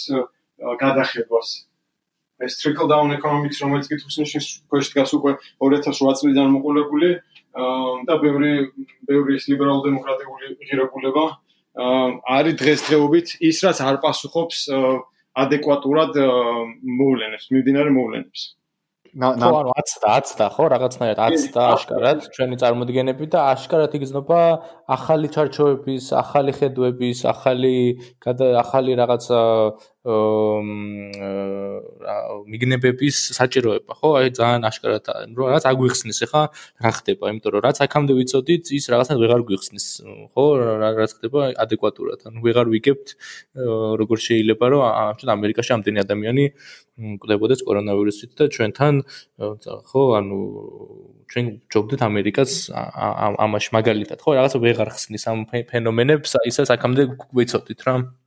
კეპტარო მოდი ასე ვთქვა რაღაცნაირად იგრძნობა რევოლუციური დაძაბულობა რა? არ გძნობთ ამას აა იგრძნობა რევოლუციური დაძაბულობა რევოლუციური პოლიტიკის აქტუალიზაციაც იგრძნობა შეიძლება ეს ესეც კი.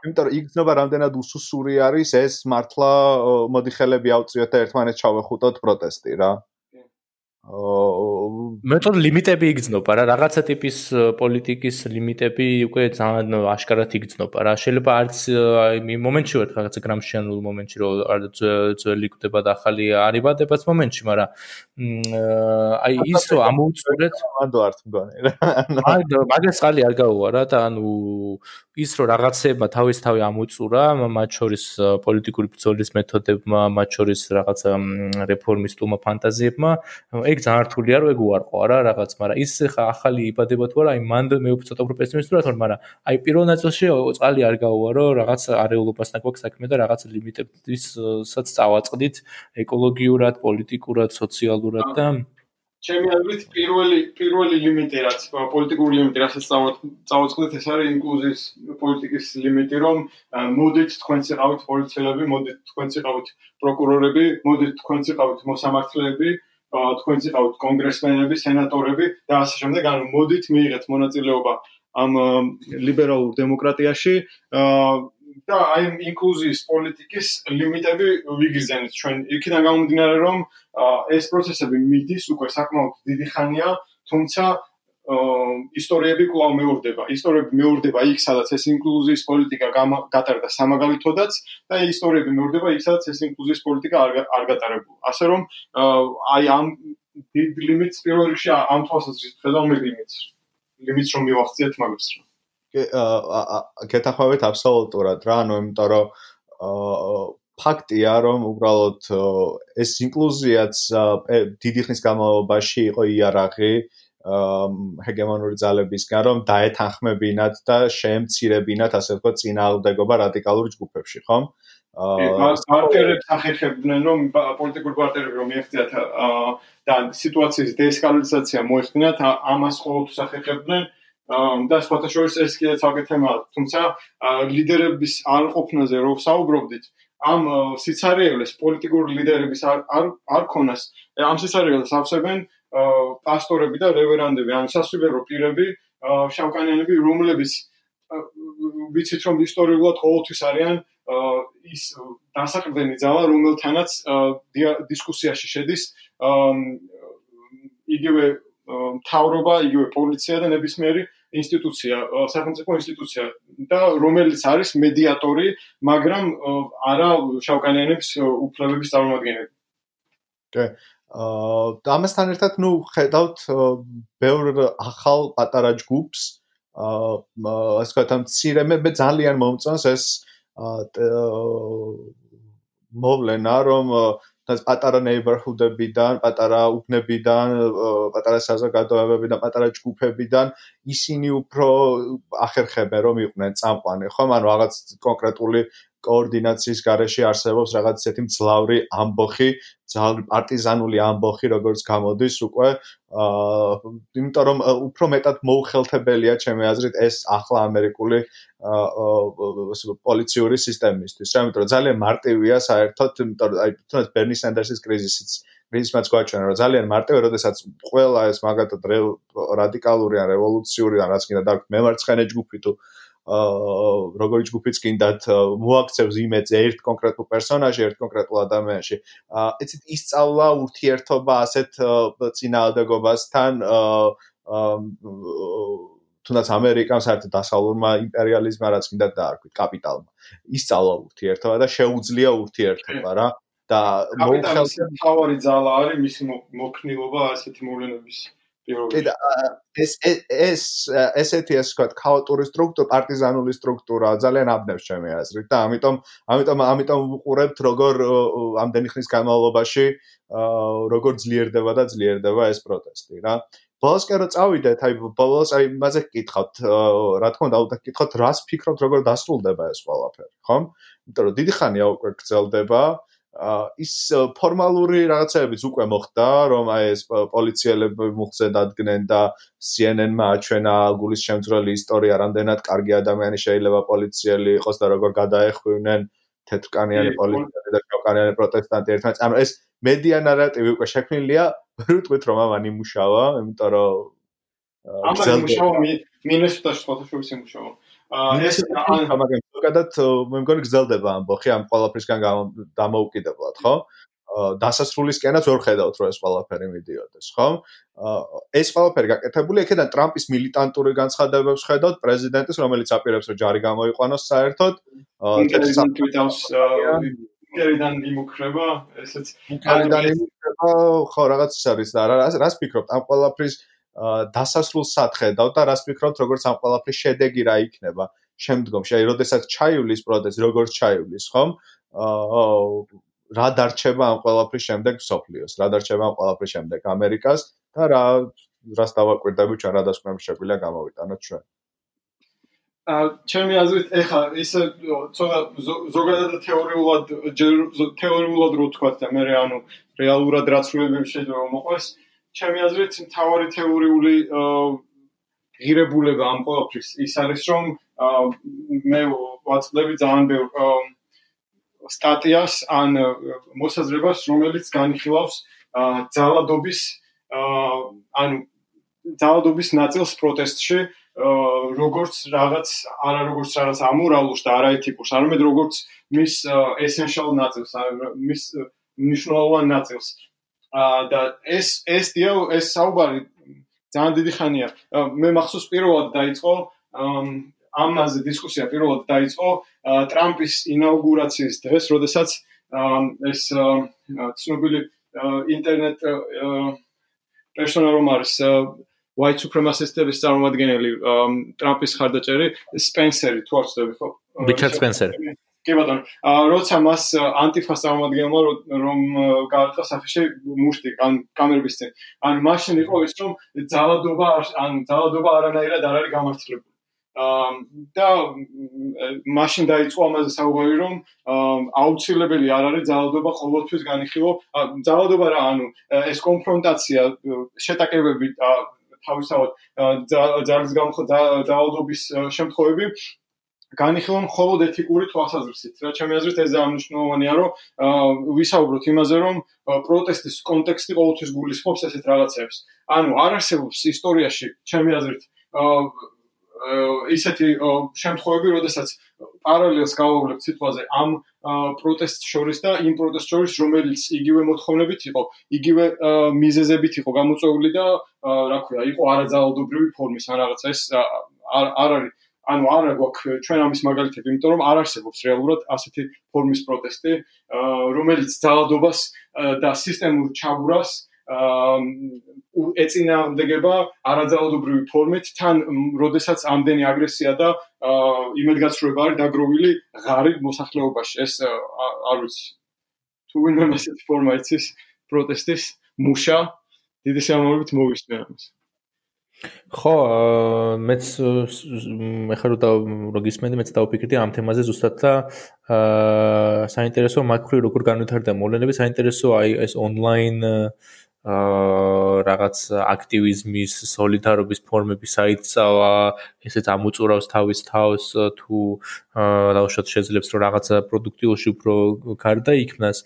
უფრო ეხა ის აი რაღაც მოლოდინების კუთხით, აი მართლა არ ვიცი რა და როგორ იქნება ცხადია და ეხა ის მსჯელობები ცოტა მე ზედაპირულობა ეხა ტრამპი თუ ბაიდენი თუ ასე შემდეგ ერთი რასაც ვცილობ რომ დავაკვირდე და ნახო არის რამდენად დაბრუნდება აი ეხა დღევანდელ დღის წესრიგში აა საქართველოსშიც ამერიკაშიც რამდენად მოხერხდება აი რაღაცა კლასობრივი პოლიტიკის წარმოება რამდენად მოხერხდება რომ დაბრუნდეს რაღაცა კლასობრივი გააზრება ამ ბრძოლების ეფექტურად რამდენად მოხერხდება პოლიტიკის გადაწყობა? ისე კლასობრივი დონეზე თავს მოხერხდება თუ არა კლასობრივი იდენტობის მქონე პარტიების ორგანიზაციების ჩამოყალიბება და თან მიმაჩნია რომ რაღაც ხრივ დავუშვათ თვითონ წარმატებასაც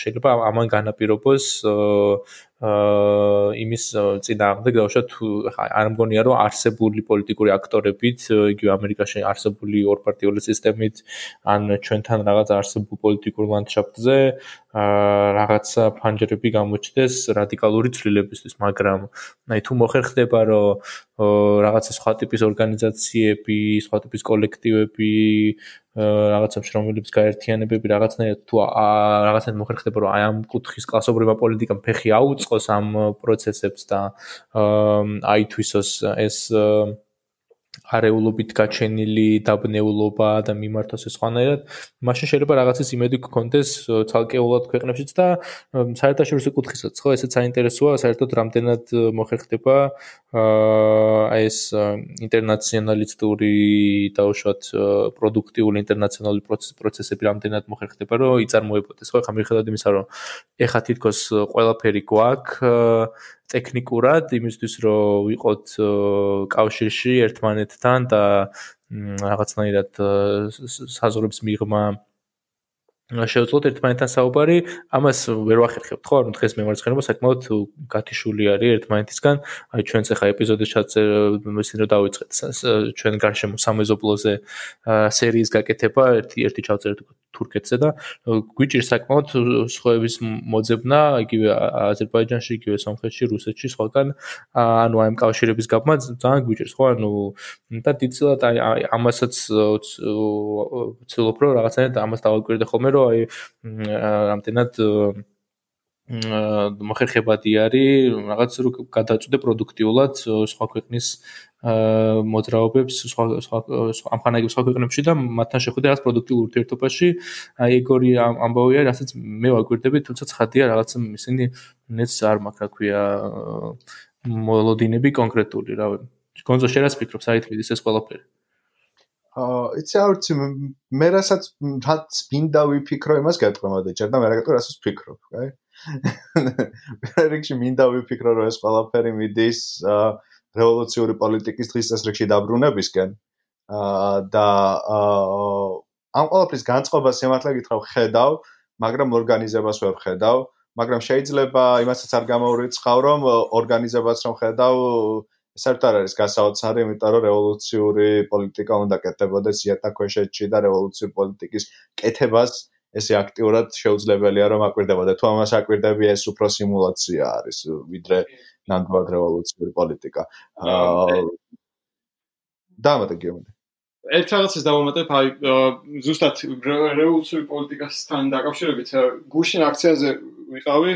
აა ტროსტკის ინტერნაციონალისტებთან ერთად, რომლებიც ჩემ კამპუსზე გავიცანი და ზოგადად ჩემ საუნივერსიტეტო ქსელში იქიდან გამომდინარე რომ ჩემი უნივერსიტეტი არის სახელმწიფო სტუდენტური ჯგუფები არსებობს. ამ ტროცკისტული ორგანიზაციის წარმომადგენლები და რაღაცა მარქსისტული study group გვაქვს იქ რაღაც აქტივობები არის ვაპროტესტებთ და ძირითადად პროკავშირების მხარდაჭერ აქციებში იღებენ მონაწილეობას და მათი მათი ხედვა არის დაახლოებით ეგეთი რომ მათ უნდათ მათ მათთვის მთავარი რეაგირების ძალა არის shut the system down პროკავშირების და სტუდენტების დახმარებით ეკონომიკის გათიშვა ასე ვთქვათ. მაგრამ რეალურად გვაქვს როგორი სიტუაცია, იცით? პროკავშირები და ეს სოციალური მოძრაობები ერთმანეთთან არანაირ კავშირში აღარ არიან თითქმის და იაკობინოზე შემხვდა სტატია იყო ამასთან დაკავშირებით და ძალიან სიმბოლური ფაქტი არის რომ ვაშინგტონში როდესაც იყო ბუნტი რამდენიმე დღის წინ დაწვეს პროკავშირების ფედერაციის ანუ AFL-ი არის American Federation of Labor ყველაზე დიდი ორგანიზაცია პროკავშირებული გაერთიანებების, რომელშიც 12 მილიონი მუშა შედის და პროკავშირების წევრები შედის. ეს შენობა დაწვეს, იმიტომ რომ მათ არ იცოდნენ საერთოდ რა იყო და ის რომ რეალურად ეს პროკავშირების ფედერაცია მათი ყველაზე დიდი ის უნდა იყოს ელაი და მომხრე და მხარდაჭერი. აი ეს არის პრობლემა ჩემი აზრით რომ მემარცხენე აქტივიზმი გვაქვს პროკავშირების გარეშე. ის ნევადაში რაც მოხდა პრაიმერის დროს იყო ჩემი აზრით მაგის ძალიან კარგი მაგალითი იქ არის ნევადაში არის ყველაზე დიდი პროკავშირი კულინარი იუნიონ რომელიც აერთიანებს სასტუმროების და კაზინოების სამზარეულოს სამზარეულოში დასაქმებულ ადამიანებს და მათ მათმა ლიდერებმა თქვეს რომ ბერნის ენდორსმენტს არ გაუკეთებთო და ამის მიზეზი იყო ის რომ ჯანდაცვის პაკეტი რომელსაც უნივერსალური ჯანდაცვის პაკეტი რომელსაც ბერნი სთავაზობს მოსახლეობას არ არის ისეთი კარგი როგორც მათი იუნიონის მიერ შეთავაზებული ჯანდაცვის პაკეტი ანუ წარმოიდგინეთ სიტუაცია რომ პროფკავშირი უარს ამბობს ხარი დაუჭიროს ხარი ყველაზე მაგ მოსახლეობას, იმიტომ რომ მათ არ უნდა საკუთარი პრივილეგიების დაკარგვა. ანუ ანტისოლიდარული არის შტატის ყველაზე დიდი პროფკავშირი საკუთარი მოსახლეობის მიმართ. ანუ ამ რამხელა აცდენა გვაქვს? მემარცხენე აქტივისტებსა და პროფკავშირებს შორის ამაზე მეტყველებს და ზოგადად იმ ჯგუფის წარმომადგენლებიც რომლებთან ერთადაც ამ საკითხებს გამიხილავთ ხოლმე ხშირად უნივერსიტეტში მაგას ამობენ რომ აღარ არის კავშირი სიტყვაზე აი ეს ინტერნაციონალურ ორგანიზაციებსა და პროკავშირებს შორის ისეთი ძლიერი როგორც ადრე იყო თავისთავად არიან რაღაცა პროკავშირები რომლებიც აგრძელებენ ასეთ ორგანიზაციებთან თანამშრომლობას და პირიქით ეს ორგანიზაციები ინტეგრირებულები არიან შიგნით. თუმცა ქვეყნის დონეზე ეს არის ყველაზე ფართო პოლიტიკურ აქტივიზმს დღეს ეწევა მასშტაბლების პროფკავშირი ქვეყნის მასშტაბით, იმიტომ რომ განათლების სისტემა რამ მდგომარეობაშია, სასკოლო განათლების სისტემა ამერიკის მე მგონი ყველა მიცეს სერიოზულ კრიზისში არის. და არის ადგილ ადგილ-ადგილ რაღაცა გამოხატულებები ამ ყოველთვის და ფაქტი ისაა რომ ბერნი სანდერსმა ნევა და მოიგო და გამოკითხების მიხედვით კულინარი იუნიონის წევრებმაც უმეტესობამ ბერნი სანდერსის მისახვა, თუმცა მათი მენეჯმენტი ფშილებში რო ვთქვათ არის სხვა აზრზე, აცდენები არის სერიოზული რა. სერიოზული კი. აი, ეს საქმე მე ვერ ხედავ, აი, როცა ვამბობ მე ახალი რევოლუციურ პოლიტიკაზე, ანუ იცი მე გულისხმობ უფრო იმას, რომ ცოტათი უკვე ამ ბუნებრივი კავშირებისაც, კავშირების მიმართ ანტაგონიზმიც მიჩნდება სიმართლე გითხრათ რა. ანუ რომ აი მაგალითად არ არ გამოვა არაფერი პროკავშირების გარეშე. რატომ არიან ესეთები? ანუ ოკეი, ფაინ, ანუ დრო შეიცვალა უბრალოდ. რაღაცა მოხდა. როგორც მოხდა, როგორ მოხდა, გამოვიკვლიო თუ კიდე ველაპარაკოთ აკრიტიკოს. რაც იყო იყო. ხო, რაც მოხდა, მოხდა.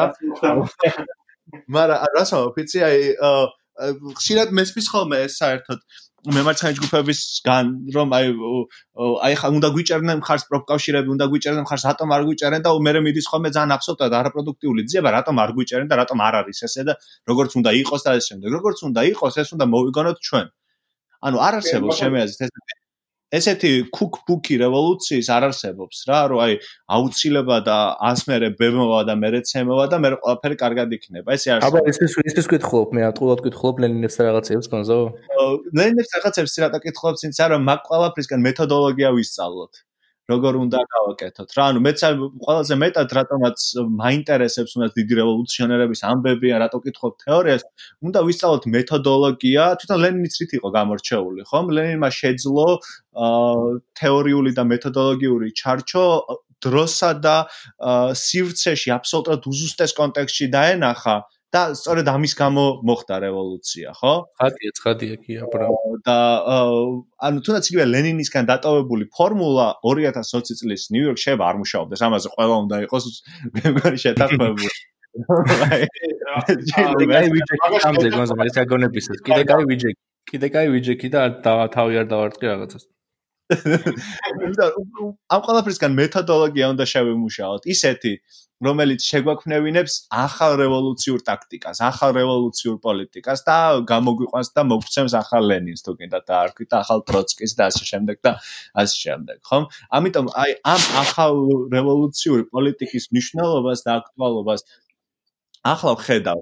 რამდენად გამოვა ეს ყველაფერი ეს უკვე უკვე საუბრის თემაა და არ ვიცი სიმართლე რომ გითხრათ. მე რა ძალიან მინდა მჯეროდეს რომ გამოვა, მაგრამ სადღაც იმასაც ვითვალისწინებ რომ შეიძლება ყველაფერმა წაიღოს აბსოლუტურად ნეგატიური გადასახვევისკენ, როდესაც პროტესტით ძალით ჩაეხშობა, აბსოლუტური დემონიზება მოხდება მემარცხენე მოძრაობის, რასაც დილობს უკვე ამერიკა გააკეთოთ და მოგვიწევს ძალიან ძიმე დროის და ძიმე პერიოდის განანა, როდესაც ცხოვრობთ ახალ უკვე განცხადებულ ავტორიტარულ კაპიტალიზმის დომინაციაში, როცა ახლა კი შეგვიძლია რომ მაგათად პოდკასტი გქონდეს, მაგრამ როცა აი ესეთი პოდკასტებიც კი დადგება ერთ ქვეშ და მოგვიწევს გადავიდეთ აბსოლუტურად დიატაქვეშეთში, იმიტომ რომ ოპრესია გაიზრდება და გაიზრდება, იმიტომ რომ ფაქტია, რომ რევოლუციური პოლიტიკის შექმნა მხოლოდ და მხოლოდ ძლიერ მემარცხენე ჯგუფს შეუძლია და ძლიერი მემარცხენე ჯგუფი და რევოლუციური პოლიტიკა ეგზისტენციურ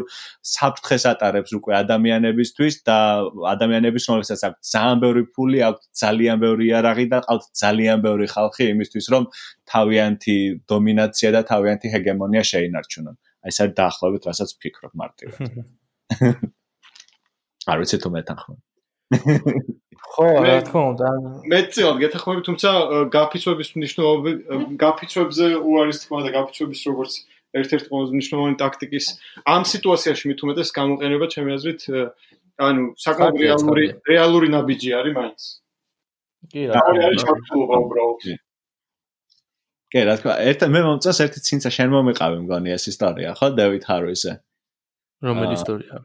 შენ მომეყავი დავით ჰარვის შესახებ, დავით ჰარვიმ რა თქვა, რომ თუ მართლა გინდა ცვლილება აეროპორტები გადაკეთო. კი, კი, ეს ცოცხლად ხდება ეგ ისტორია, თან ეგ ცოცხლად მოვისმენ, მოყოლილი კი არ ვიცი, ანუ მეც იქ ვიყავი, იქ ეგ რო თქვა დავით ჰარვიმ, რომ ესეთი თეორიული კითხვა დაუსვეს, ან ესეთი ღრმა კითხვა ამ თეორიულ სირთულეებზე, ამ ჩიხზე, სადაც ვართ დისკურსულად, ამ რევოლუციური სუბიექტის არარსებობაზე და აი რა ვქნათ ახლა როგორ გამოუძრეთ ვაკეთებთ და დევიდ ჰარვის პასუხი იყო, რომ აეროპორტები გადაკეთეთო. ძალიან მარტივად ყველანაირი რაღაც თეორიული კართულებების garaშე პირდაპირ ესე იგი გააჩერებთო დღესო შეგვიძლია შეგვიძლიაო გავაჩეროთო დიდი ნაწილისო მიმოქცევაო კაპიტალისო ეგრო გვინდოდესო აა შეგვიძლია პირდაპირ ასაკვანძო ინფრასტრუქტურულ იმებს თქვა თუ ქვია ბლოკირები დავიწყოთო რა.